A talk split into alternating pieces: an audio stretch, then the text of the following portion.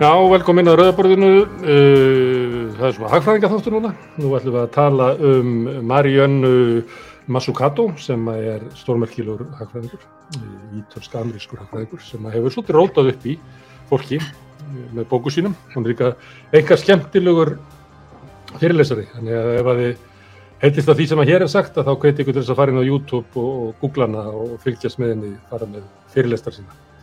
En til að ræða um hana, og já, ég ætla ekki að gera þess að þetta er svona þriði þátturinn í röð þar sem við erum að ræða um hvern hagfræðinga sem hafa haft mikil áhrif á, á samtíman og hugmyndur okkar um hagfræðið efnaðismál og við byrjað að hafa mikil áhrif í pólitíkinni. Við byrjum á því að tala um, um, um Kate Roberts og kleinurhingina hennar og svo vorum við í síðustu viku með Stephanie Kelton og MMT svo kallað, nútíma peningamála kenningu og nú er komið að Mariannu Mazzucato sem er þekkt fyrir umfjöldum sína um markaðsbresti, svolítið um svona hlut, uh, hlutverk ríkisins á markaði, svolítið um svona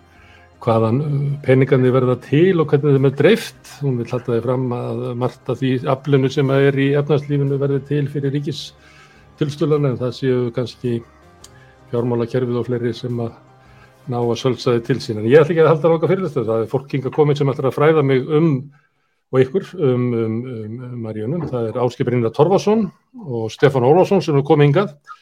og síðan koma hingað líka á eftir Jóhann Páll Jóhansson og Kristrú Frostadóttir þau eru bæði að hérna nýri þingi þar er heit umræða en þau mjög koma hingaðinn og, og taka þátt í þessar umræðu uh, Jóhann Páll er stjórnmála hagfræðingur held ég að heiti Kristrún er, er hagfræðingur bæði þingmenn Ásker Brynjar líka hagfræðingur og Stefán Ólásson er félagsfræðingur en ég er ekki með að við fáum svolítið svona breyða og skemmtilega umfjöldun. En við höfum byrjað þess að þetta á því að, að, að spyrja einfallega sko hver er Marianna Mazzucato? Má ég spyrja því að því Ásker Brynjar, hvaða, hvaða kon er þetta sem við erum að fara að tala um? Já, uh, hún er nú eiginlega svo af þessum þremur hagfræðikonum sem við verðum að fjalla um sem ég þekki hvað best. Ég hef hitt hann á nokkurum ráðstöfnum í tengslum við, já frá því ég var að klára dóttursnáðum mitt í tengslum við stofnum sem heitir Institute for New Economic Thinking þar sem hún var styrkvegi þannig að þar sá ég hana fyrst á ráðstöfnum og síðan hefur hún gefið út þessar fjórar bækur sem hafa allar orðið rosalega frægar heilum heiminn. Hún er bara rétt þrejum fjórum árum eldri en ég en, en ég var að syndi í, í, í dóttursnámuna því að þið unnið. En, en hún er fjarabarna móðir í tölkbýr í London mjög, mjög virk og eiginlega ef við tengjum við hína tvo þættina þá voru neila bæði. Þú veist, Kate með kleinurringina fór bara úr háskóla umhverfinu, þá hún tengist Oxford og reyndi að hafa áhrif á stefnumótun, svona fyrir utan með að setja upp einfalda ramma með hana og síðan Stephanie Kelton sem fór í að búa og þróa áfram kenningu innan eh, hagfræðinar þá í svona afmörkuðum skólum þar sem að var leifilegt að, að tala um Marx og, og, og lesa Minsky áður en hann varð, varð frægur. Uh, en, en um, Marianna Mazzucato gerir eiginlega bæði? Hún er með eiginlega sjálfstæða stopnun kringum sig. Ég þekki nokkra sem vinna hjá henni þannig sem er alveg bæði þá að kenna nefnum í svona ofinberi stjórnsýslu innan uh, University College í London bæði innan viðskipta og hagfræðisviðsins en, en síðan er hún líka mjög stór í ráðgjöf fyrir eh, yfirvöld viðam heim. Uh, síðast kom hún inn eh, með Evrópusambandinu í viðbröðin við faraldrunum en ef, ef að þið skoðið bara jáfnvel undir tillan á bókunum hennar að þá sér maður hvernig eh, hún hefur svona átt þátt í held ég að að skapa svolítið umræðina sem kemur fram í breytingu stóru alþjóðastofnununa eins og þegar IMF og OECD fóruð mjög mikið að tala um fyrir svona 5-6 árum eh, inclusive growth, svona vöxt sem ætti að innifæla alla, þá vorum við búin að sjá vandan sem hlust af uh, rungu aðgerðunum við úrvinnslu fjármálarunnsins eh, og, og, og, og sama síðan sem hún uh, gerir með nýjustu bókinni uh, Mission Economy þar sem hún fer svolítið aftur til uh, hugmyndarinnar frá Kennedy og, túnferðarnar en, en, en alveg frá upphafi þá er hún að svona afhjúpa legarnar eða skröggið í mainströmshagfræðinni um, fyrsta bókin Entrepreneurial State er svona um hvernig sko þessi andstaða milli engarekstursins og ofinbærarekstursins er gerð í svona hefbundinni hagfræð og sagt að það sé svo mikil sóun í ofinbærareksturinnum og engaðlan reyja séu miklu uh, arðsamari og, og hagkvæmari. Uh, hún sýnir fram á hvernig raunum var allar nútíma uppgötanir séu meira og minna ríkis fjármagnar upphaflega Nú síðan fer, fer hún yfir í bókum um hérna um, endurhugsun hagfræðinar um, og, og endurhugsun kapitalismans, blandar saman hagfræðin og pólitíkinni um sjálfbæran vöxt og, og, og síðan sko um, er bókin sem er svo næst nýjasta sem heitir Value of Everything. Og þá er hún sko, þá fer hún mjög langt aftur í hagsjóni Uh, hún er, læriði uppaflega og, og, og, og fer síðan uh, til Mexiko læri þar og svo læri hún uh, hagfræði hjá, hjá með kapitalistunum. En, en allavega á þessum tíma þá las hún kapital eftir Marx. Þannig, þannig að hún fer alveg aftur til Smith líka og í raun og veru dregur fram úr sögunni eða það sem hefur eiginlega afvega leiðist á, á dögum nýfrálsíkunar ef ég má segja þess að svo. Það, það sem að e, líkun eru sett upp það sem er sagt að hægt að kenna til dæmis e, hugmyndur um virði valjú e, og að því þú sagður ég var hagfræðingur og ég lærði náttúrulega heimsbyggi líka og þá verður maður svona órunverulegur hagfræðingur eins og, eins og Isabella kallaði það eða, eða ekki alvöru hagfræðingur eins og margir á mainstreamshagfræðingunum vilja tala um fólk eins og Kate og Stephanie eða, eða Marjónu en, en með því að vera mm, á báðum sviðunum held ég að hún hafi svona e, náð lengst eða flögið hæst eða haft mest áhrif með við þessar þrjár sem við erum að tala um. Að, að, því, að því að maður sér beinlinni spórin af hennar rannsóknum sem kom út í bókunum sem verða vinsælar og sérlega mikið og byrtast síðan bara í stefnuplökun frá Európa-sambandinu, Skoskaþinginu, uh, Amsterdamborg eða, eða mörgum mismunandi levelum. Og, og, og, og ég held að, að e, síðan ef við förum yfir í Rauðaborgsumröðana faraldurinn náttúrulega afhjúpar þetta e, e, og hjálpar í raun og veru til að, að ef að menn eru tilbúinir að hlusta og opna og ætla ekki að drífa sér núna aftur í gamla farið Eh, að, faraldurinn í raun og veru síndi fram og sanna, sannar í raundæmi margt af því sem að hún hafði verið að reyna að draga fram á svona mm, new economic eða, eða endurhugsaðan hátt með því að, að gaggrína meginkenningarnar að því að við sáum það, það var eftir að þróa bólefni með því að ríkin komu inn í, það var eftir að halda atvinnulífunu gangandi með því að ríkisjóðnir Uh, hjálpuð til með, með atvinnulífinu og núna reyndar hefur maður mestar ágjör af því að, að atvinnulífið sé ekki tilbúið að reyfa sig. Uh, þeir formenn samtaka innarins atvinnulífsins far ekki út í rekkápunum að fá regningastyrk frá hún ofinbera vegna veðursins og, og, og, og hérna uh, þannig að kannski er pendullin farin mm. oflátt í hináttina en, en hún er allavega og ég mæli með sem þú sagðir á, á YouTube það eru mjög margir mjög hressilegir fyrirlestra þar sem hún, hún útskýrir mjög svona innfaldan skýran hátt. En hún talar rosalega hratt þannig að maður mað getur pásað ef maður er ekki hérna alveg með ennskuna á, á, á hreinu. Já, hún er mikill mikill sjarmur. Og talandum um sjarmur þá er Kristrún Frostadóttir að, að brjótast yngað inn á hundin, þau eru niður í á þingi, hún og Jóhann þannig að ég ætlaði aðeins að fá hana Kristrúnu, blessu Kristrún Komið sæl, sæl, sælir ekki satt. Sælir, og hér er þú ert eina konan fyrir utan Marjánu sem við erum að ræða um. Já, ég má bara, byrja bara strax á henni, hérna, þú er trefin að henni eða ekki? Jú, ég er mjög trefin að henni. Eins og allir, eins og allir. Já, Já, hver er það ekki? Já, Hérna, má ég að spyrja þig, hérna, hvað er, sem sagt, að því að ég átta mig ekki alveg á því, svona hvað af þessu sem hún er að halda fram og, og setja saman er svona nýtt, en hvað af Mhm. þessu er bara svona raunverulega gaman lærdómur þegar maður er búin að íta nýfrálsöki vittlisni frá sögunni, að þá svona Mhm. blasir, finnst manni stundum það sem hún er að segja, þá eiginlega blasir þetta bara við, ef maður bara Mhm. gleymir því sem hefur búið að vera að halda það fram síðan til 30-40 ár, að þá er Mhm. þetta bara augljóst, þá er þetta bara common sense og hagfræðinni. Hvað er munur? Hvað er nýtt hjá henni og hvað er svona samtíningur af gammallar einslu?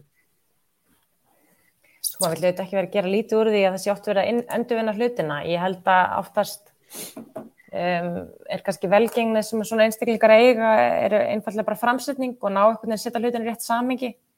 Um, sko, mín upplifun er að þetta er svolítið aftur hvarf til, þú veist, á jákvæðan hátt til svona skilnings á því að, að, að veist, ríkið er að reyka samfélag, það er ekki að reyka fyrirtæki og skilning þess á að þú ert með svona ákveðin þrýjörning til staðar sem að þó hún reyndar tala ekki, allavega sem ég hef lesið til eritum með ef það er rétt, ekkert rosalega mikið um vinnumarkað en þá er það samt þessi, veist þetta afskiptaleysi sem hefur hefur byggst upp í nokkur ár, gagvart um, annars vegar vinnumarkaði og síðan uh, að byggja upp það viðmót hjá engageranum að ríkis aðgerið séu slæmar. Um, þetta er náttúrulega eitthvað sem að þetta var ekkert svona. Ég meina, sósaldemokratísk ríki, velferðarsamfélagi, norrannu samfélagi þau uppalega byggðu upp eftir strísárin þau auðvitað byggðu á svona hugmynd, það sem að kannski ennsku kalla svona svolítið state making sko og skilning á því að hérna, til að myndi úr að reyka einhver ekki fyrirtæki þá er það að vera jákvætt ef að ríki er að skapa líka góðan ramma fyrir launþjóðana sem starfa hjá þér um, til þess að operer í. Þannig að, að sko það er Og á ekki bara við við norrænu ríkin heldur líka bara Kóru, Japan, Bandaríkin á fyrstu, fyrstu áratugum síðustu aldar og, og náttúrulega eftir New Deal. Algjörlega, bara svona velferðar uppbyggingar árin. Um, Mm. og það er nú eflust örgulega meiri þekking á henni hérna en endalega bara ég þó ég fylgst lengi vel með henni. En mér finnst rosalega sjarmirandi bara þessi framsetning hjá henni þrátt verið að kannski seti ekki allt nýtt. En hún er að, að það sem hún kannski gerir betur og er og er það jú kannski nýjungin er að hún skapar smá svona spennu, svona excitement í kringum mögulega hlutinu sem ríki getur gert. Þá er ég að segja ekki bara einhvern veginn veist, jöfnuður og, og, og styrkja grunninn heldur að ríki getur líka gert spennandi hluti eins og að sækja fram. Veist, ríki getur þetta public value concept hjá henni. Um, að það sé ekki alltaf þannig að allt, öll nýsköpun og allir áhugaverði hlutir þurfa að eiga sér stað í engageranum og hefur ofinbæra sér bara svona staður fyrir fólk sem getur ekki hugsa sjálfstætt sé. Og við sjáum það til dæmis í umfjöllun um veist, samfélagsbankana sem hún er að tala um, að ég stopna við það, var að vinna með í Skotland og þess að það sem hún talar um að það er líka bara að skapa spennandi störf fyrir ungt, fengjandi fólk sem að vil starfa líka hjá einn ofinbæra. Þannig að mér finnst það líka svona jákvæði vingillin á þessu fyrir fólk sem er að hrætta hugsa að ríki sé bara þungt og einhvern veginn þar, þar inni sé bara fólk sem hafa engar hugmyndir og svo leis að hún gefur uh, ríkinu aðra áru. Og mér finnst það rosalega mikilvægt í þessari umræðu. Þetta snýst ekki bara um einhverju ölmusu og vera einhvern veginn að ég veit ekki hvað minna, þetta er oft svo neikvæð umræð um þetta. Þannig að það er klárlega nýtt fyrirbreið finnst mér Hvaðan kemur þessi neikvæð umræð því að ef að við bara íslendingar horfum ég meina þá var ríkið byggðið upp heilbriðsjónustu og mentakerfið og ríkið byggði líka upp landsvirkjun og hefur ofið að byggða upp hitaveituna og, mm -hmm. og við getum end, þauðluð endalist upp sem að hefur ofið hefur gert mm -hmm. og svo þegar á að fara að þylja upp það sem að fyrirtækina hefur gert að þá er eitthvað hérna, össur og marel og svo bara verða menn stúm sko, að mm -hmm. hvernig stóða því að svona þessi hugmynd var að ríkið ætti að vera bara leiðilegt og ætti að vera bara íta því, íta, íta því frá hvað Já, þetta er bara mjög góð spurning. Þú veist nú kannski ekki að spyrja rétt að aðlan en sem mér er ekki eðlislegt að hugsa þannig. En, en þetta er, þú veist, hugsaði líka bara hvað þetta er galið, sko. Að öll þessi frábæri fyrirtæki sem eru til staður og alltaf verið að tala um þau eru að vaksa ákveðnum velferðargrunni sem gerir þeim kleift að bjóða upp á spennandi störfiðna. Og mm. þetta er, þú veist, mér finnst þetta að vera ákveðin hugsunavilla þegar verið hugsun ríkið. Um, það heldur ekki að vera alltaf að stilla þessu upp að þetta sé eitthvað private versus public. Þetta er bara eitt og þið sama, það er að segja þetta er ákveðin sko ringur, himna ringur sem er verið að reyna að skapa um, og, og það vex ekkert á, vex ekkert í hagkerfinu ekkagerðinu nema, nema hérna, ríkið sé að veita öflugt velferðarkerfi. En ég minna þetta er auðvitað bara ákveðin orðaða sem að lifnaði við þetta sínum tíma einhverju leiti kannski má reykja þetta til þess að svona gamla ríkisvæðingastefnan snýri náttúrulega líka svona svolítið um nepotisma, það var ekki allt gott við hana. Þú veist það er svona endurreist kannski nýra hugmyndafræðu um hlutverk og virkni ríkisins sem að fælst ekki því að skipa þú veist framsóknarmenn og sjálfstæðismenn í, í bankastörustöður, skilji. Þannig að það kom kannski að neikvæðni líka í kringum ríkið af því að það var verið að beita uh, séraksmenni voru þar inni Þannig að það er kannski líka svona parturinn sem er svolítið nýjum með Masukato núna. Hún er að, hún er að setja þetta fram á svona nútímanlegan, um,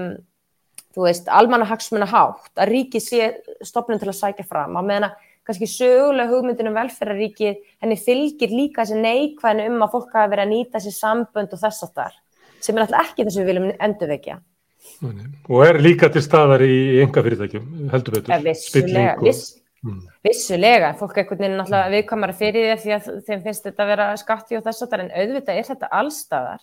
um, en, en ég held að þetta sé greinamennu sem er mikilvægt að gera núna í þessari kannski nýju sveiplu, félagsíki sveiplu að það er enginn að tala um að endur þess að sömu gömlu blokkirnar um, og það þarf að gera svolítið greinamenn á því Má, má ég bara rétt skjóð inn í, Gunnar, sko ef að hún hefði verið fengin hinga til ágjafar þá er ég samfærður um að hún hefði krafist þess að þegar að ríkið veitti flugfélaginu ríkisábyrðaláni að þá hefði hún ráðlagt, já, sjálfsagt við tökum 10% eh, eh, af hlutafjönu á móti og hérna núna geti þá ríkið selt sem 10% á genginu 2 eða hvað sem gengir á flugfélaginu. Eh, á sama hátu, þú nefndir Össur og Marell,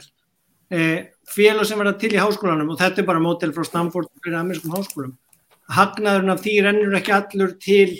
eh, profesorna sem stopnuðu eða byggjuðu til eða fengu hugmyndirnar í rannsóknarhópum innan skólans heldur fær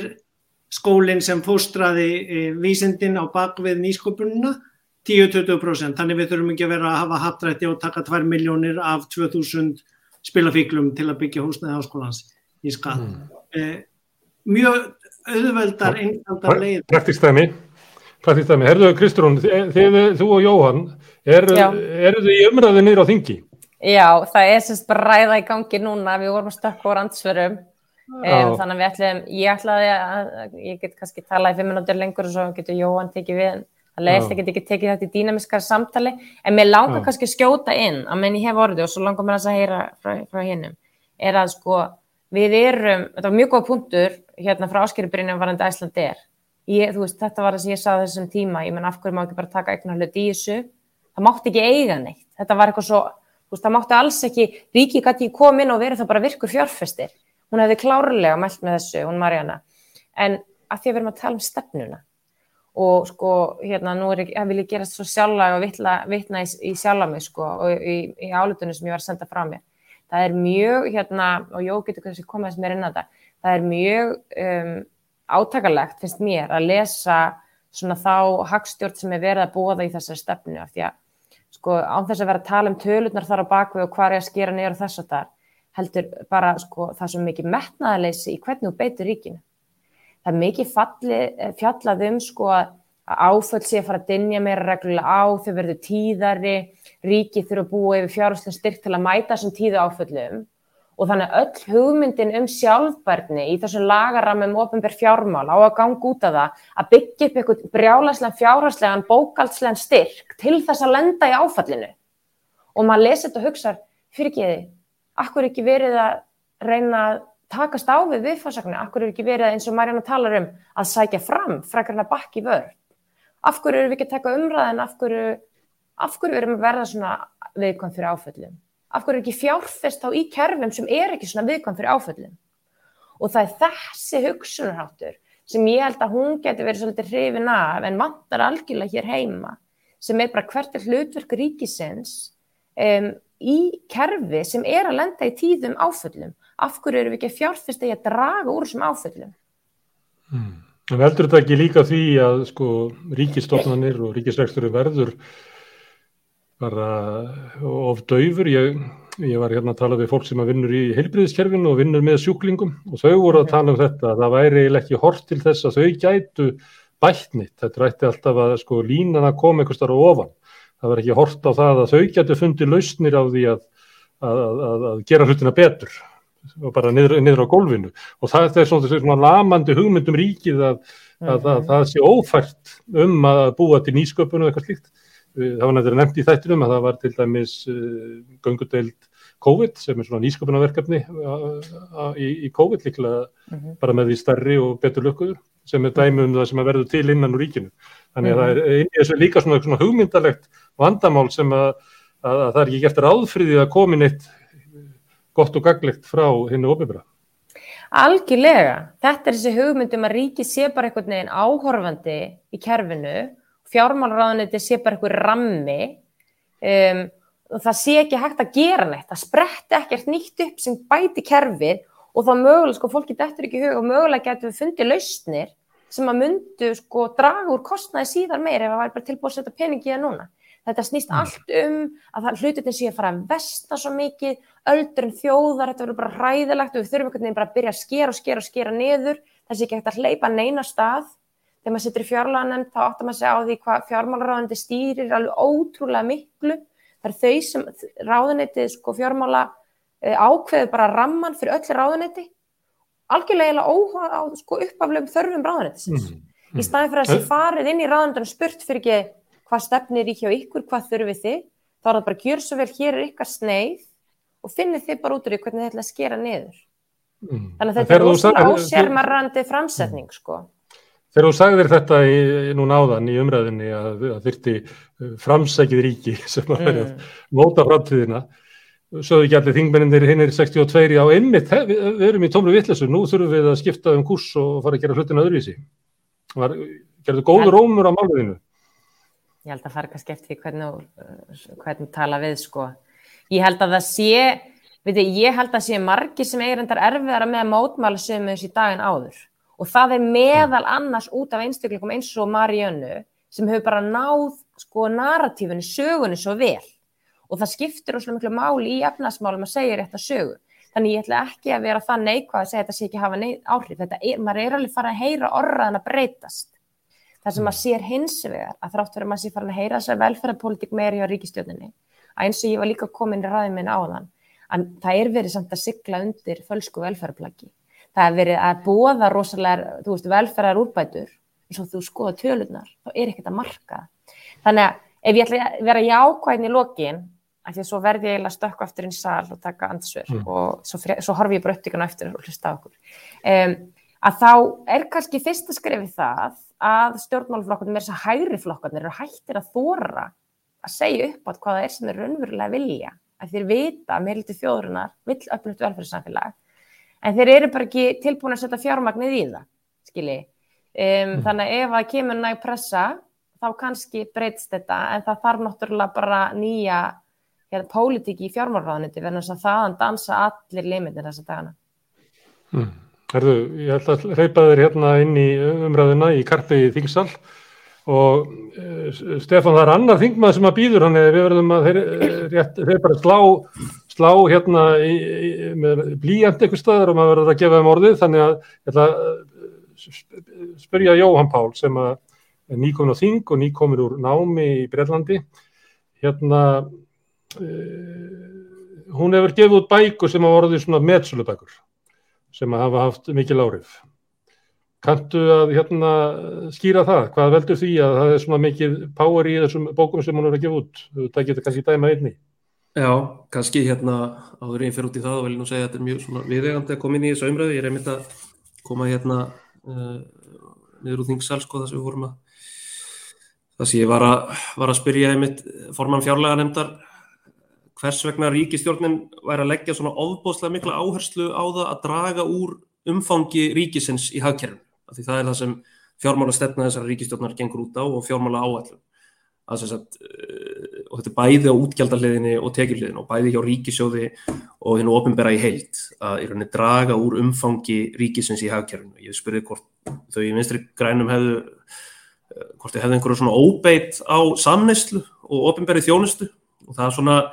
um, það er svona svolítið móðgunni við því sem er, er nú bara ágætt kannski en, en svona lítur þetta nú samt út um, já, hvaða hérna, sko, og þetta er náttúrulega bara þetta er kannski svolítið bara þessi gamla svona hreintrúarstefna eh, varðandi ríkisvaldið og hlutverk hins ofinbera að hérna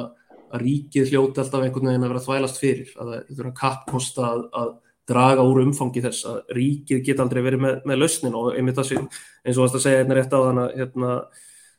bara frá fólki frá ríkistofnunum fólki innan ríkistofnuna hvernig, hvernig því er ekki treyst til, til að leysa einhver vandamál og koma með, með svona einhverja nýsköpun og lausnir eh, sjálft sko. Ég var einmitt á hérna, flakki um landið og við Kristrún og, og þau fleiri í þingfloknum og það er einmitt bara, heyrði þetta innan úr hérna, mjög mikilværi stofnun sem sinnir helbriðistjónustu uh, að hérna, það var oft með einhverja hugmyndir um það hvernig mætti leysa einhver, einhver mál betur, hvernig verður þetta bæta þjónustu við sjóklinga og, og svo framvegis en, en þá einhvern veginn væri, væri slegið á hendurnar á, þeim, á, á puttan á þeim upp í ráðunetti sko, og, og einhver aðhaldskrafa alltaf við líði sko, að... og það hefur bara engin áhuga á þau að hlusta á því. Það er það sem að maður heyrir. Fólk er að já, koma já, með reglum um einhverja tilur og bara já, það fær svona fólk hefur áhuga á því að hlusta á fólk hefur áhuga á Matsukato það er rétt sem þú segir, það er alltaf bara því hún er hún er miklu betri penni heldur en við og, og miklu skemmtilegri kannski. Um, og hérna og náttúrulega skoist þarna fyrst upp á stjórnuheiminin með, með bókinu um frumkvöðla. Ríkið, þeir eru eflust búin að tala, tala um þá bók og það sem er kannski svona það sem ég á svona skemmtilegast í þeirri bók og það sem hefur auðvitað vakið áhuga fólk sem bara hvernig þú dregur það fram með svo samfærandi hætti, hvernig tækni framfarir hafa verið drifnar áfram af ofinberi fjárfestingu og ríkinu og háskólastofnunu og bara þessar svona byltingar kentustu tæknuníungar okkar daga sko, hvort sem lítum til internetsins, nanotækni, livjeðinaðar við skoðum bara til dæmis alla galdrana hérna í einum svona iPhone. Uh, þú veist, við vorum að tala um GPS-tekni, snertiskjá rattgreiningatækni internetið, þetta er allt svona á einn eða annan hátt afsprengi ofinberðar fjárfestingar og samvinnu milli ríkisins og engagerans og þetta er tækni sem hefði ekki dórið til nef, ef ríkið hefði bara setið einhvern veginn með hendur í skauti og beðið eftir engaframtækinu um, núna á undanförnum árum þá hefur hún verið svona þróa svolítið áfram þessar hugmyndir sem hérna byrtust í bókinennar um frumkvöðla ríkið uh, og það sem hún svona tala svolítið mikið um núna er það sem hún kallar Mission Oriented Industrial Policy. Veit ekki hvernig er besta íslenska það kannski markmiðsdrifin atvinnu eða innæðastefna eða, eða hérna mm. getum ekki að tala um leiðangur bara réttir svo tungferðin og notar tungferðina sem dæmi þar er eitthvað svona mission og eitthvað keppi, kepplega að komast á tunglið sem, og, og það þegar sko öllu, öllu mætti ríkisvaldsins er, er beitt í þá áttina þá hefur það einsar svona ófyrir síðar afleiðingar og, og leiðir til teknibreitinga og úrlausna á einsum vandamálum sem kannski engan hafði órað fyrir í upphafi og þannig er það svona hugsunin hjá Matsukato að ríkið hafi miklu miklu viðtakara hlutverki að gegna í atvinnulífinu heldur en bara það að búa til einhvern svona mjög almennan uh, laga og regluramma og að leiðrétta svona einstaka markaðsprest. Matsukato segir bara að ríkið eigi að sko skapa og móta markaðina, beina þeim í farvegi sem þjóna tilteknum markmiðum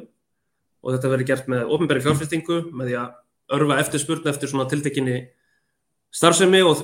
þjónustu gegnum sko til dæmis innkaupa stefnu hins ofnbæra og þetta með virkri hagstjórnastefnu og, og sterku mentakerfi. Hmm. Um, en Jóhann, Jóhann, það er eitt galli í þessu að þarna ekki eftir aðfyrir því að stjórnmálinn séu svona eins og þau voru kannski upp úr miðri síðustu öld en stjórnmálinn í dag það er ekki trú á því að við séum að koma saman til þess að móta framtíð þangar sem við viljum fara og þau viljum beita ríkisvöldunum til þess heldur er hugmyndin svo að þeir halda ríkisvaldunum tilbaka og þá mhm. munir framtíðin spretta upp frá að verkum uh, frumkvöla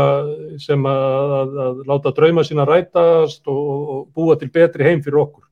og við erum ekki leiðin til tungsins eins og hérna, bandaríkjastjórn var að gera á sín tíma, heldur eru við á leiðin Mars með Elon Musk og þetta sé bara miklu betri veruleiki. Já, já, reynda tekur hún sérstaklega fram sko að, að kannski í dag séu það allt, allt annars konar markmið sem við hefum að stefna, hún er að tala um félagslega markmið með og til dæmis hérna uh, loslas aðgerðir og svo framvegis og hvernig meginn tvinna þetta saman og nefnir ímið stæmi um þetta sko. Hún hefur til dæmis núna á undanfjöndum árum verið, að, hérna, verið til aðgjafar um, um stofnum svona uh, ríkisreikins uh, fjárfestingarbanka í Skotlandi uh, og það er bara banki með mjög ský, skýrt mandate um að í rauninni bara setja þólinnmótt fjármagn, ríkisfjármagn í sko í þróun á svona teknilausnum í losnarsmálum og í svona velferðartekni til dæmis til þess að breyðast við hérna við aldurstróuninni, við, við aldrun þjóðarnar. Mm. Um, en þetta er svo sem alveg rétt að hérna að einhverju leiti, já ég menna hún, hún svona uh, gerir ráð fyrir því að, að í þessari nálgun að, að það sé hægt að, að stjórnmálinn geti verið líðræðisleg og, og falleg að hérna að það geti komist flokkar og, og fólk til valda sem er ekki, ekki bara að hugsa um, um sérhagsmunni og, og hérna vinna fyrir, fyrir auðvaldið sko, það, það er alveg rétt. Mm. Þannig að spurning hvort að stjórnmálinn nái að, að endur skapa sig til þess að geta uppfyllt þessar. Já, til þess að geta stýrst vel og búið til þetta svona skapandi, uh, sterka og sveianlega ríki sem hún er að tala um sko, sem hún vil að, mm. Að koma okkur til bjargar sko og leið okkur, leiði okkur og atvinnulífið uh, og bara samfélag út úr, út úr þessum ógöngum sko og skapa eitthvað nýtt og, nýtt og betra. Herru, Jóhann, þú staldrar eitthvað aðeins lengur við, hæ? Þú staldrar aðeins lengur við, en hérna ég ætla aðeins að koma uh, ávarpað Stefán Ólásson. Hérna, uh, sko, það er eitt sem ég er að velta fyrir mér, með bæði allar þessar þrjár konur sem hafa verið hér til umfylgjunar, að þá eru þær svolítið að, að ráðast á einhvern veginn eins og svona staðnað hugmyndakerfi hérna,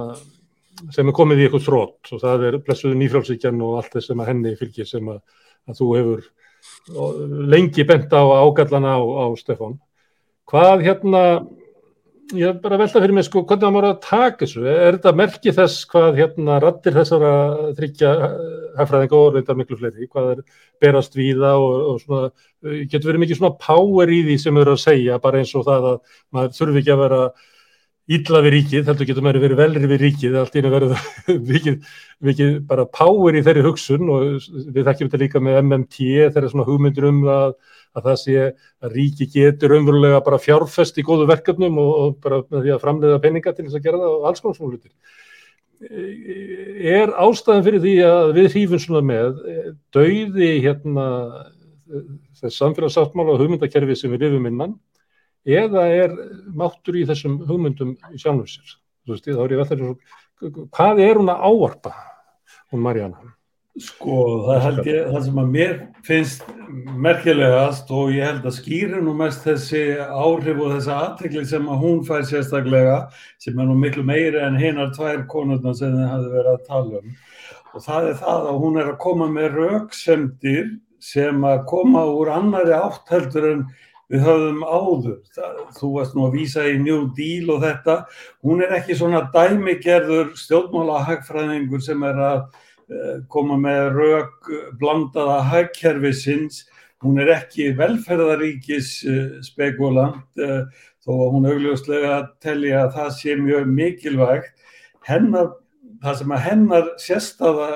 byggir á er það að hennar bakgrunnur er nýsköpun og tengir það við stefnumótun og það sem að hún hefur fram að færa sem að nær aðteglinni öðru fremur er það að hún hefur heilmiklar sögur að segja um hlutverk ríkisins í nýsköpun og uh, hvort sem að það er tengt tunglferðunum, Apollo-programminu og allar þær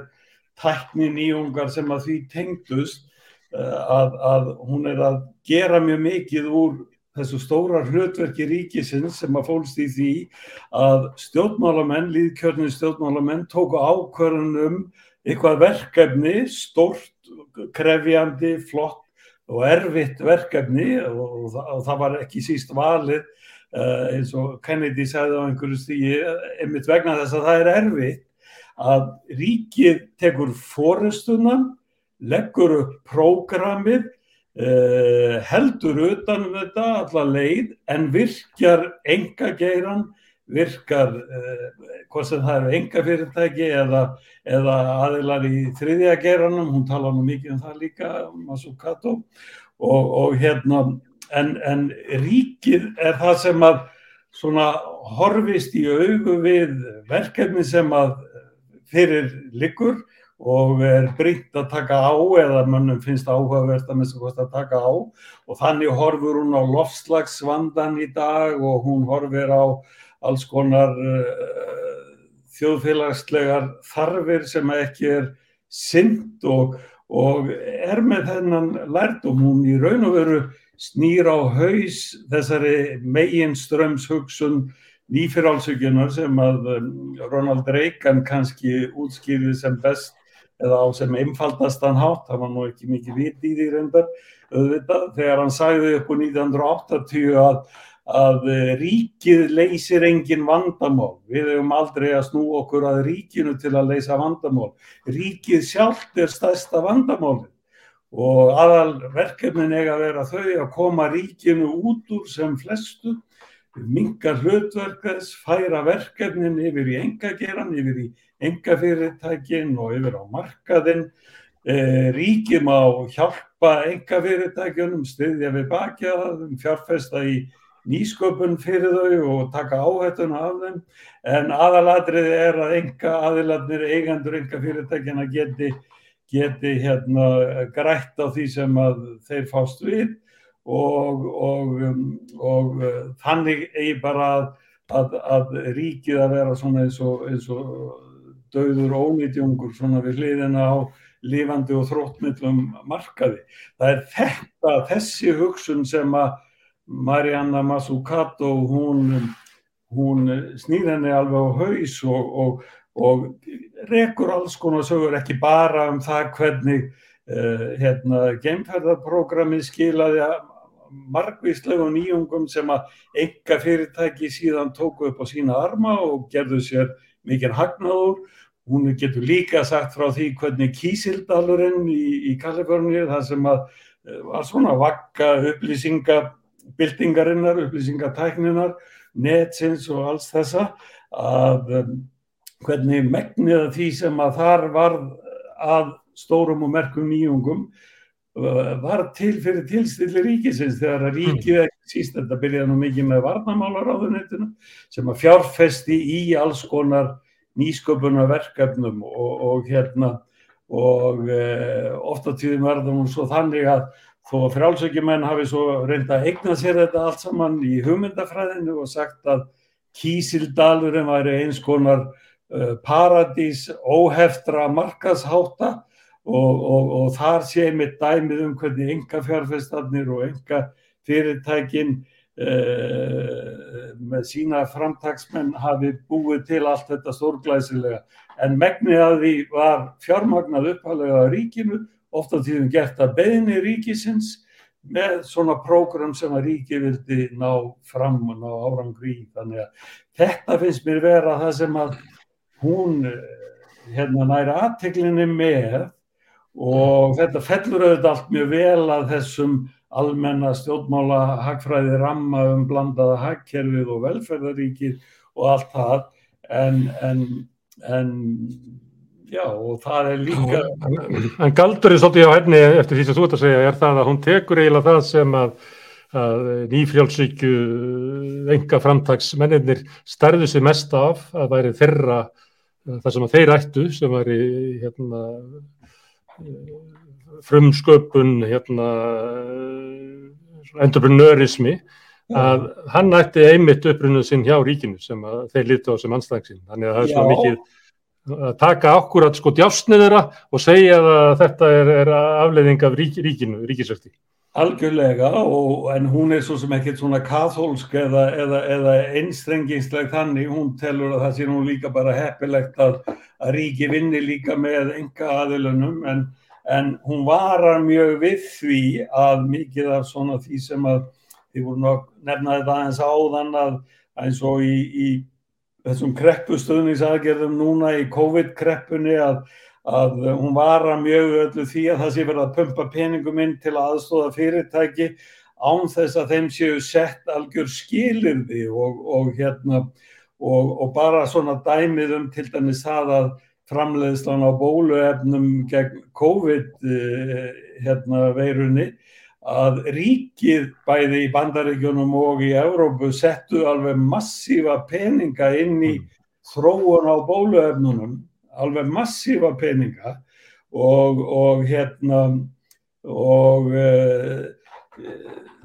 þetta segir Marsukato að þýði í raun og veru það að bóluefnin urðu þar með almannaegn að því að ríkið hafi fjármagnað megnið af kostnæðinu við að búa þau til og gera þetta svona hratt og allt það. En hvernig er það þá? Er þetta, er þetta meðhandlað sem einhver almanna eign? Ó nei, þetta er síðan markaðsett og selt og dreift til þeirra sem að þurfa á bólusetningum að halda bara á hinnum venjulegu kapitalísku hérna, leiðum engarekstrarins, livja fyrirtækin græða á þessu, setja verðið, ofurverðið, þau eru með þess að selja ríkinu sem að borgaði stokkostnaðin á þessu, þetta er oftast ríki sem er að borga fyrir bóluefnin, enga fyrirtækin Pfizer og Moderna og þessi, þau standa algjörlega gegn því að það sé lift engaréttinum á, á, á framleiðslunni í þessu þannig að vera auðveldar að framlega meira bóluöfnum, sérstaklega fyrir fátakari ríkin. Þetta er bara venjulegu kapitalískur sérheikju, sérgróða uh, leið uh, sem að færa þrýfast á þeim grundvelli að ríkið gerði þetta allt mögulegt með þessum hraða, með þessum hérna, stoppkostnaði sem það lagði í þetta. Og þetta er náttúrulega bara, bara hérna, alveg ótrúlegt að við skulum vera að búa við svona fyrirkomulag. Áttu mm. þessi bóluefni að vera bara almanna eign og, og, og mestalagi borgað fyrir hráan framlýslukostnad þannig þetta er selt við vægum verðum en ekki, ekki mm. með þessu menjulega ofur gróða livjafyrirtækjan. Mm. En svo þekkt er frá að því að þú vittnar í, í túnferðinnar að, að að myndir sem eru teknar með Hubble sjónaukanum sem að NASA rekur að það er, það er ekki hægt að selja þær vegna þess að almenningur er þegar búin að borga fyrir þær. Það er svona svo hugsun að, að þegar almenningur er búin að fjármagna bólefnin þá lítur almenningur að eiga þau. Ásker, Brynjar, þú uh, réttur bönd? Já, en ef að Jóhann Bál vil vera undan þá er það hérna Nei, alltaf. Og hérna, sko já, ég ætlaði bara að fylgja eftir þessu sem því Stefán var að tala um sko, hún fer náttúrulega mun lengra sko, hún er ekkit hrifin af einhverju svona velferðarpolitika útdeila af tekjum ríkisins til hérna sem minna meira sín það sést bara af vandanum úr fjármálakerfinu og hvernig sko eh, stóra kapital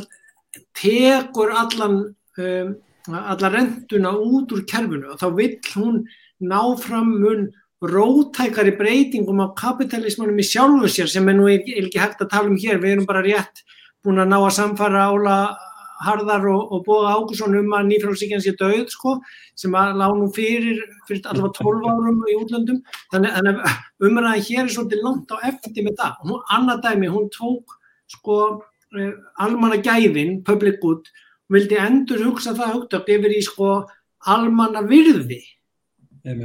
Veist, þannig að hún, hún tekur hlutina mun lengra en það er ekki með öðru en því bara að hafa lesið almenlega sko Adam Smith, hún er ekki, hún er ekki einu svona neitt marxisti sem átti nú ekki nefna á gangunum upp í skóla þegar ég var kollegi Stefáns, núna má þó allavega segja orðið en, en, en Hérna Ásker, að því að hérna, þú nefndir hann Jóhann Pál og hann er nýr þingmaður og nýjir þingminn eru svo saminskuðsamir að hann, hann finnst eins og hann eigi að fara niður í, í sal og fara að rýfast við vakki þannig við viljum okkar að spyrja Jóhann hérna þegar við erum að tala um þetta hvað, hvað er mikil breyting og hvernig afstöðu uh, eins og Kato tekur til ímsa hluta? Það er nefnt samfélagsbanki það er nefnt það að ja, við getum reist við þessi fyrirtæki og allt kött í uppsvinginu eða hvernig sem að menn myndu vilja orða það uh, gefðu okkur svona dæmi um það, ef að, ef að, ef að við værum að tala í, um pólitík út frá hennar sjónarmiðum, hver væru hérna, umræðin hann nýra á þingi? Það væri, við værum að tala um að breyta landsbankunum í samfélagsbankar? Við værum að, að kontur nú með dæmi um, um stjórnmóla hætti Vassu Kato. Já, nei, mér finnst þetta opaslega gott dæmi sem Ásker Brynjar nefndi áðan um sko, hérna, COVID-björgunar aðgerðirnar, það sem einhvern veginn það sem mátt ekki bara, mátt ekki minnast á það að kannski eftir ríkið að taka sér eignarhlut í fyrirtækjum, allavega í þessum stærri fyrirtækjum sem að verða að bjarga og að ríkið getur líka sett sko skilirði fyrir sko styrkveitingum uh,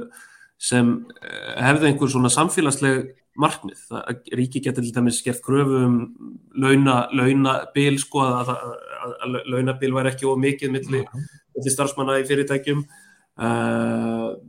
Og fyrirtækja mættu segja nei ef þú settir ekki við að fórstýrum ágjörum með meira en þrjaföld laun þeirra sem skúra spiltunars, að þá bara segja nei, þá bara farið ekki aðstóð en ef þú vilt fá aðstóð, þá fáur það að beigja þau undir samfélagslega markmið. Akkurat, akkurat, já, ég menna þetta er, hérna, þetta eru peningar og samílum sjóðum, uh, við, hérna, við, við getum stutt ykkur en þá viljum við að atvinnulífið, þá, vil, þá viljum við hérna hjálpa til, eða, þá viljum við í rauninni leggja ákveðna línur fyrir atvinnulífið og, og, og það stefni ákveðna átt.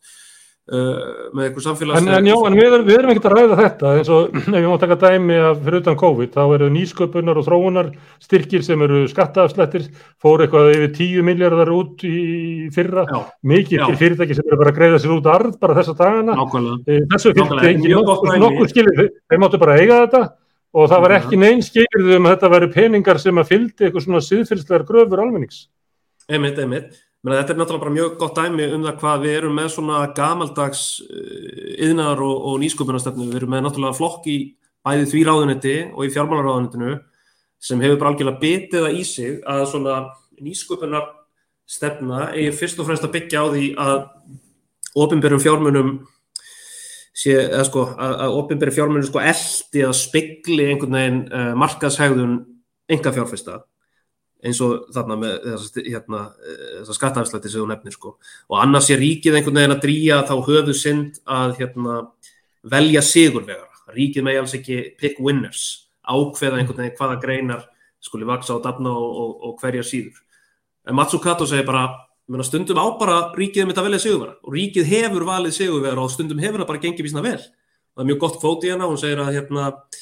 að þessi betra að ríkið velji sigurvegara heldur en að tapararnir velji ríkið og hengi sig utan í sko pilsfald ríkisins. Mm. en ég meina við höfum náttúrulega alltaf verið að velja einhverja sigurvera ég meina þessir gamalda stjórnmálokkur hafa náttúrulega ríkið stefnum sem snýst um að velja sigurvera til dæmis í sjávarútvegi með gjafakótakerfinu og í landbúnaði með vendartollum og, og hérna með hérna skatta í vilnunum til mengandi stóriði og, svo framvegi sko. Uh, Þannig að já, ég meina eins og í kringum bara COVID-björgunar þá hefur við hægt að gera svo miklu meira til þess að ég rauninni beina atvinnulífinu í svona ákveðna átt sko. Og Matsukato er ekki að tala fyrir einhverju voðalegri miðstýringu sko eða neitt svoleið sko. En þó því að sko ríkisvaldinu, svona líðræðislega tæki sem við eigum saman sé beitt til að bara leggja línutnar um þróun efnaðasmála og að hérna ofinbæri fjárfestingu sé til dæmis beitt til þess að varða veginn uh, í rauninni beina enga fjárfæstin þá í ákveðna átt með svona krátt inn áhrifum getur við sagt sko mm. uh, að ég meina ríkið getur gert rosalega mikið til að bara hafa áhrif á væntingar um það hvar vakstatækifærin liggja og hérna mm. Annar hagfræðingur sem er þetta kall, ég veit ekki hvort að megin nefna það hérna Ha-Jun Chang, hann, hérna, heldur, hann heldur í mér þess að fram sko, það er ekkit ríki sem hefur vaksið orðið að neinu nema fyrir óbyrjara stefnu, það er bara ekki til Nákvæmlega, ríki sem er orðið til óvart. Já, og, einmitt, og bara, ég man ekki hvort að þessi hann sem að fyrir aftur til Rómaveldi svo sagði, ástæðin fyrir hvað verður mikill auður í Rómaveldi var að það var skattlagt, voru skattlagtar sem var hægt að búa til infrastruktúr sem að bjóð til auðs, þannig verða hlutinu til. Þannig, já, já, hann fer yfir þetta náttúrulega bara, ég meina, tökum bara Suður Kóru, það sem er hérna svona háskerpu hérna sjófastækni þróið og svona, ég meina það er bara, það sem gerðist þar var að bara sko fjöldi fyrirtækja hérna og, og ofinbæra aðila settust bara niður og það er bara nefnd, bara það er í rauninni ákveði bara veðja svolítið á þennan yðnað og ef við hugsaum þetta í samiki við bara stöðuna í dag, ég meina akkur, ég meina, akkur veði er ekki bara til dæmis Ísland á einhverja svona græna, einhverja svona lofslagsvæna hátækni eða eitthvað svoleiðis. Hvað er það versta sem getur gerst? Mm. Ég meina, tökum En til þess að það geti virkað, til þess að það geti virkað,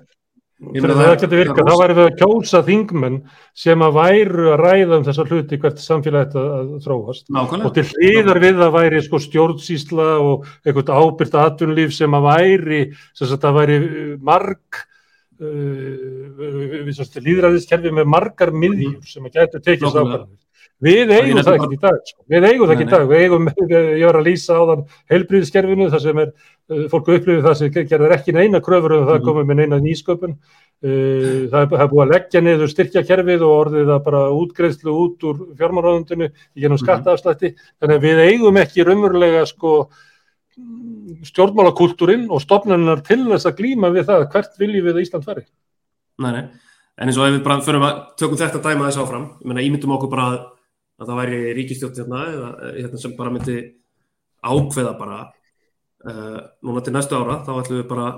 við ætlum að gera það sem við getum og þetta er bara mission hjá okkur að Ísland verði bara leiðandi í svona þróun á einhverjum grænum tæknilausnum og til dæmis þegar kemur að bindingu uh, kólefnis uh, þá til dæmis væri þetta sko, fjárfesta, ég meina ríkið geti bara orðið hluthafi til dæmis í, í Carbfix uh, og einhverju öðru, öðru, svona sambarilegu sko og um leið var þetta innleiða kannski hvort það væri reglur eða, eða skattalegi kvartar til þess að í rauninni uh, knýja sko stóriðju verð til að, til að hérna, binda meira af, af losuninni sinni og þannig er rauninni búin til enn meiri eftirspurn eftir þessari tækni og, og hérna, hérna ítt enn en, en frekar á þróun hennar sko. Þú veist, það er, er alveg að þetta ím- ímynda sér eitthvað svona í, í framkvæmt sko. Já, ég get ekki dæmi bara úr Íslandsugunni, ég nefndi hittavitun áður, það var uppbygging. Íslands sjávarútvegs- sjá- upp- uppbygging Íslands sjávarútvegs, það var gerð hérna með ákvörðun ríkistjórnarinnar, það voru færð út landyrkjum til þess að hérna, auka líkundur að verða afla, það voru ítt undir uppbyggingu félagsleira útgerða til þess að treysta aturlíf allstarkinu landið, þú veist, við höfum oft Mhm. gert þetta sko, bara, Mhm, það er einmitt. bara skrýtt er að við erum ekki að pæla í þessu dag. og Herðu, það var mikilvægt eins og Stefán fór svo vel yfir að sko sem hún bendir á að í staðin fyrir eins, eins og þetta er alltaf hérna í svona PPP verkefnum og svoleiðis að, ríkið í rauninni sé bara að baktryggja einhvern veginn enga aðila uh, fyrir mögulegu tapi að ríkið sé þá hérna taki líka þátt í því uh, að, hluti ágóðans þegar verkefni ganga vel og þegar fjárfæstinga bera ávöxt renni til ríkisins. Einmitt til þess líka að ríki geti staðið ströym af hérna, eh, hérna, eh, vegna þess að við verðum alltaf að gera ráð fyrir að, að, að hluti svona verkefna hérna, gangi ekki upp. Það, er bara þannig eins og hverjar aðra fjárfæstingar.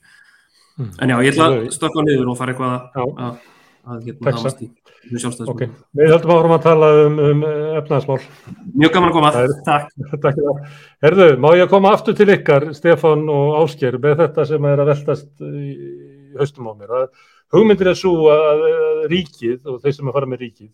eigi að geta tekið svona ákvarðanir svipað og Jóhann var að segja. En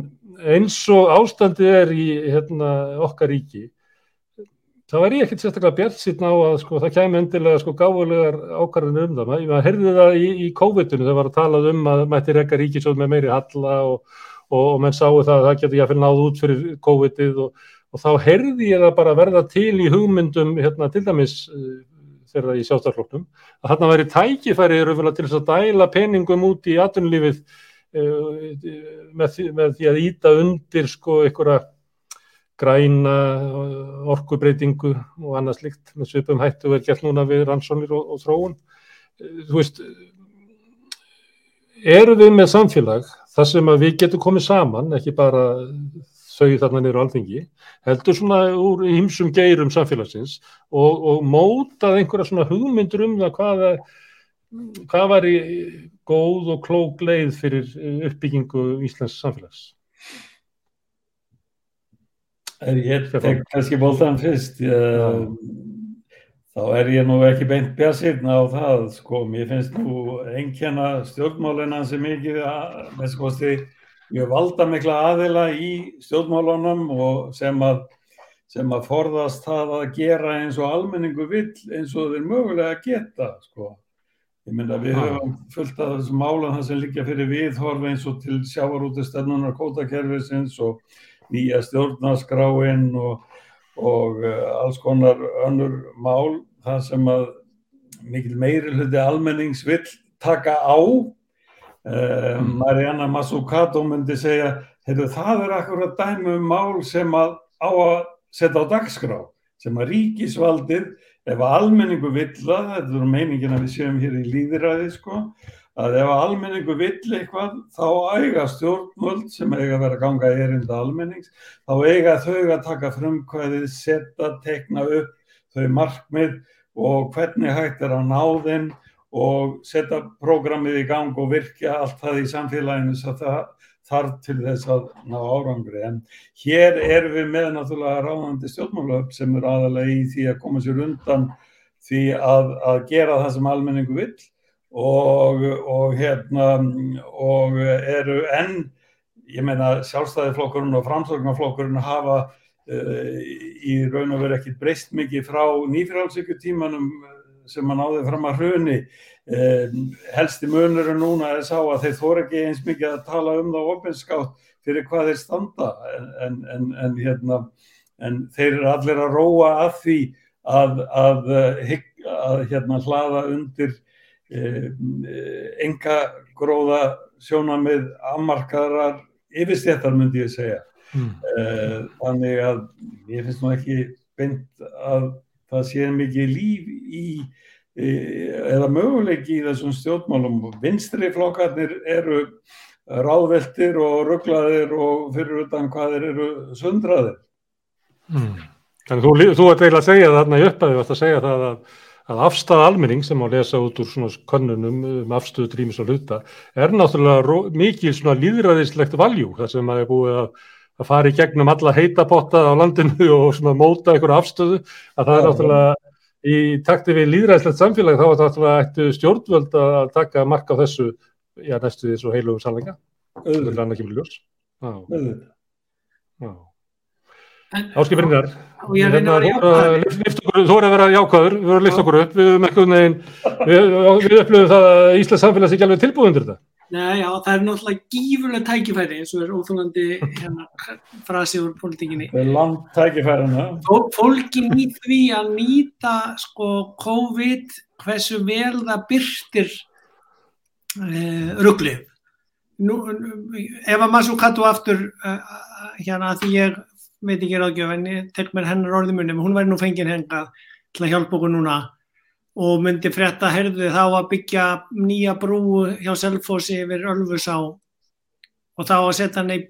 PPP, enga framkvæm, sem að ráðuneti viðkennir að kostar mun meira því að það þarf arðsemi á eigi fyrir kapitalistana sem á að setja niða og þá að rukka það.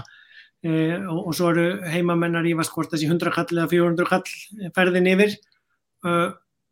og, og hún myndi bara segja er þið ruggluð að fara að gera þetta, þeir geti fengið án á, á hérna 0 eða 1% vöxtum til að byggja þetta, akkur er það blandin engaðalum til að fá hagnaðin af þessu? Að því við veitum þá er vaðlegaðagungum að ef að það verður uh, vesen, dýrara tap þá þarf ríkið að borga hvort sem er. Þannig að, að, að það er búið að vera þeim að alveg 8 ára aftur í bókunum með að, að vinna gegn þessari rentusókn og því hvernig svona spilavítiskapitalismin stelur af hinn raunveru verðmættasköpun. Ég meina,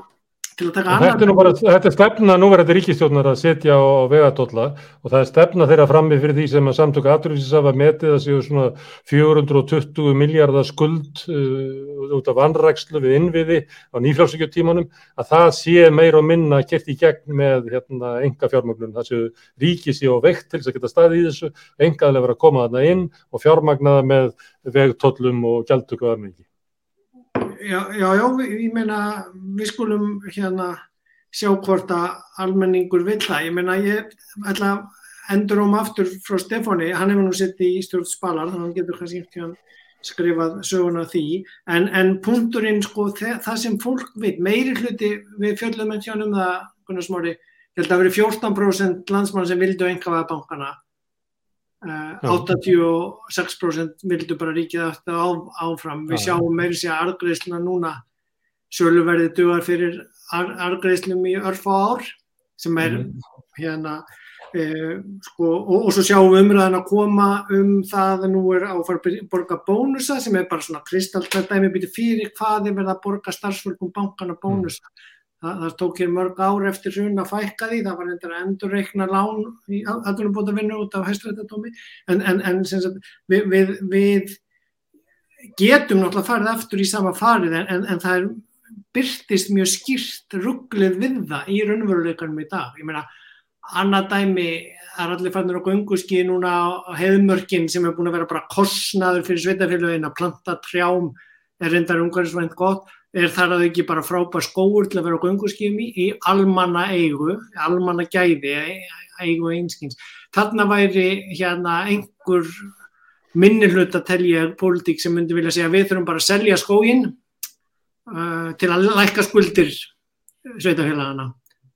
En, en þú ert að gefa frá þér eignamóti og þá fyrir einhver engaðil að rukka fólk við ingangin inn í skógin. Ég meina,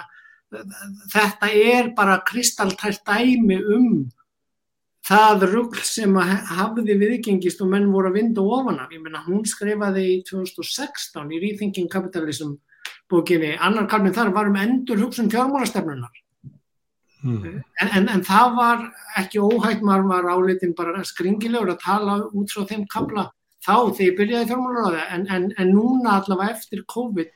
eru þó út um allan heim umræður um endur hugsun fjármálastefnunar. Ég þarf að hlusta á upptökunar úr þingsalunum núna eftir til að sjá það, ég, ég hlusta aðeins á þetta í dag sko því ég var nú að undra með á því að, því að þau ætlu að sögust vera laus um fjöguleitið og núna er klukkan að vera ný og þau eru ennþá í vinnunni. Ég var bara að velta fyrir mig hvað svona vinnustarta var. Ég get alveg lofaður að því að umræðanum fjármálastartuna var ekki á, á, á háu planið, ekki miður, ekki miður. en hérna var það deitt sem að ég er að hugsa því að ég held að, að til þess að það sé raunverulega hægt að tala um svona hluti þá þurfum við að breyta umræðinni ef við tökum bara eins og nú við talaðum um að hún ekki til samfélagsbanka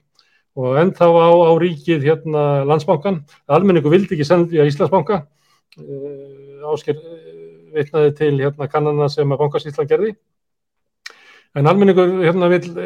ekki sendja bankana og hún nefnir samfélagsbanka. Ef maður tækir svona umræðuna um bankasöluna um, um, um fjármálakerfið og bankana og svona og, og,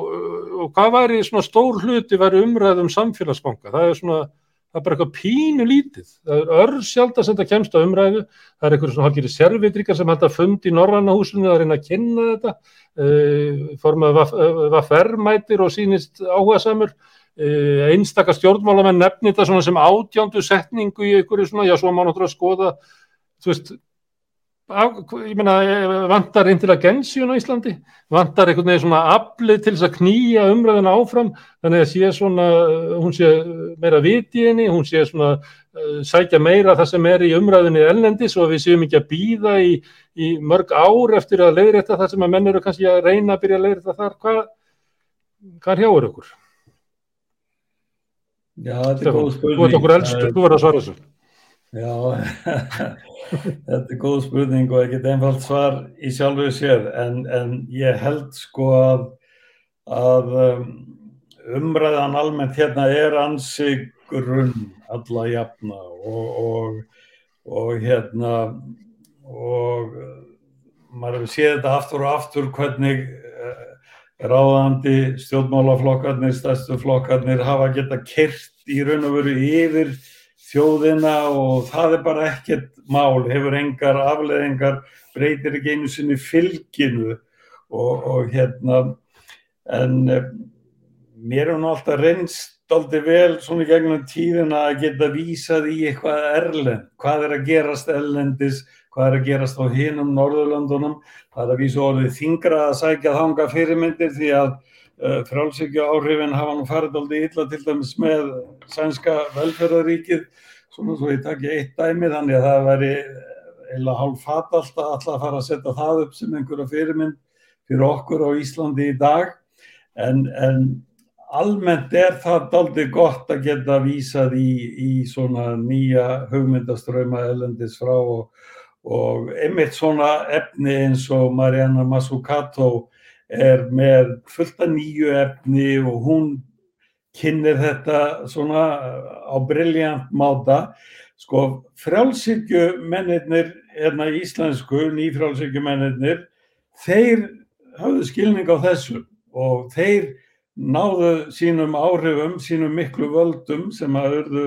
að, að öllu því tjóni sem að við erum ekki enn laus út úr í sjálfu sér, að þeir gerðu þetta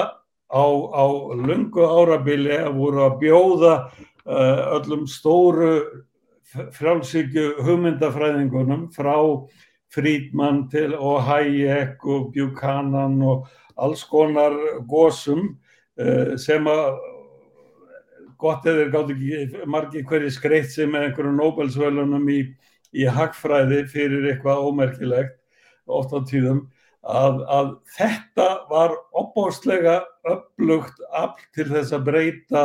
uh, tíðarandanum í stjórnmálunum hérna heima og, og þessar hugmyndir áttu alls ekkert upp á pallborði hjá Íslandingum þegar það er fara að koma hérna fram í kringum 1980 um, en, en tíu ár Eh, eftir það þegar það búið að vera að flytja inn svona gúrua einhverja og það var búið að hampa þeim hérna eins og einhverjum meiri hátar vitringum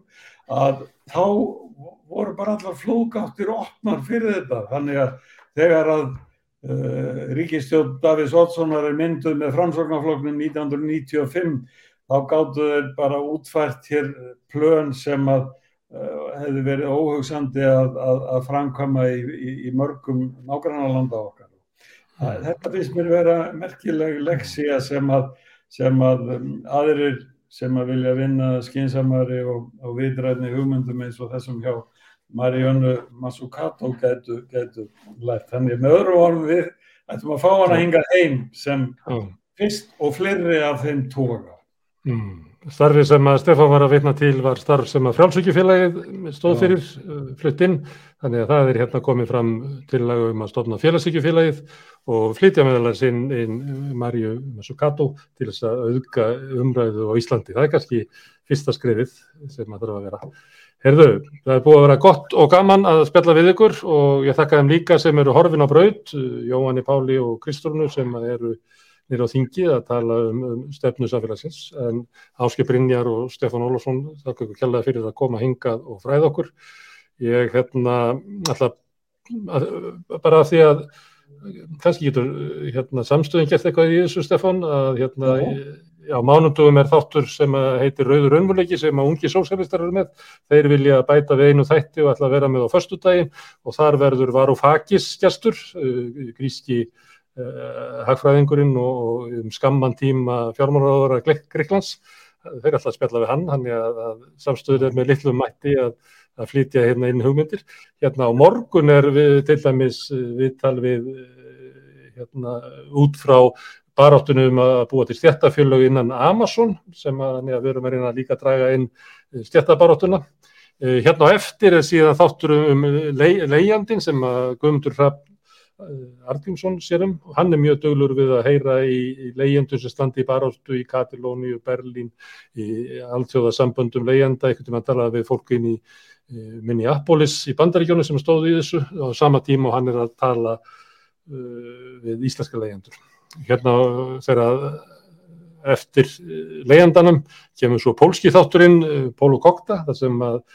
pólskir íslendikar tala um, um Íslands samfélagsmál og ástandið í Pólandi. Svona byggist samstöðun upp og ég vil benda ykkur á að það er svolítið, eh, ég veit, eh, sjáu ykkur fært að aðstóða okkur við uppbygginguna á því með því að læka og dreifa, það gerast áskrifundur inn á stöðin inn á YouTube sem okkur sínist að verði svona frekar staðu til þess að vaksa áheldurinn inn á Facebook sem er alltaf að setja okkur að hætta og hatta og alltaf aftur á okkur, láta þætti sem að ná mikið útbreystu hverfa og annað slíkt. Þannig að þið getið aðstóða okkur við að byggja það upp eða þið viljið aðstóða við uppbyggingu dasgrunna fjárháslega, þá getur gengið í allsvíðfélagi, þar eru félagsgjöldin svona eins og tveir kaffepollar á mánuði og þá eru þið að, að íta undir það að hér komi nýjir þættir sem eru undirbúningi margir. Það er vona á, á, á fylgjast með uppbyggingu samstöðunar á síðun eh, samstöðunar samstöðu.is og á YouTube og svo á Facebook líka. En takk fyrir kvöld. Á, á morgun á Rauðaborðinu þá ætlum við að tala um, um kótan svona í tilefni að, að verbúðinu þá er að fæðast innan nú í rauðaborðinu löng, ú- eða sem sagt mikil úttekt á kótakerfinu sem hefur mörg andlit og á morgun ætlum við að beina aðtiklinni að svindli innan sjávardagsins og kótakerfisins alveg frá brottkastinu yfir að hvernig er svindlað á nýtingaprósutunni, hvernig er viktað, þetta, eh, vikt, farið fram hjá vikt hvernig menn er að selja sjálfum sér á undirverði, hvernig menn taka út hagnaðin í útlöndum, hvernig menn felan, hvernig menn svíkja þetta skatti, hvernig menn svíkja á sjómunum og hafnagjaldi, þá við farið yfir þetta allt við rauðaborða morgun. Hvernig þetta? Takk fyrir.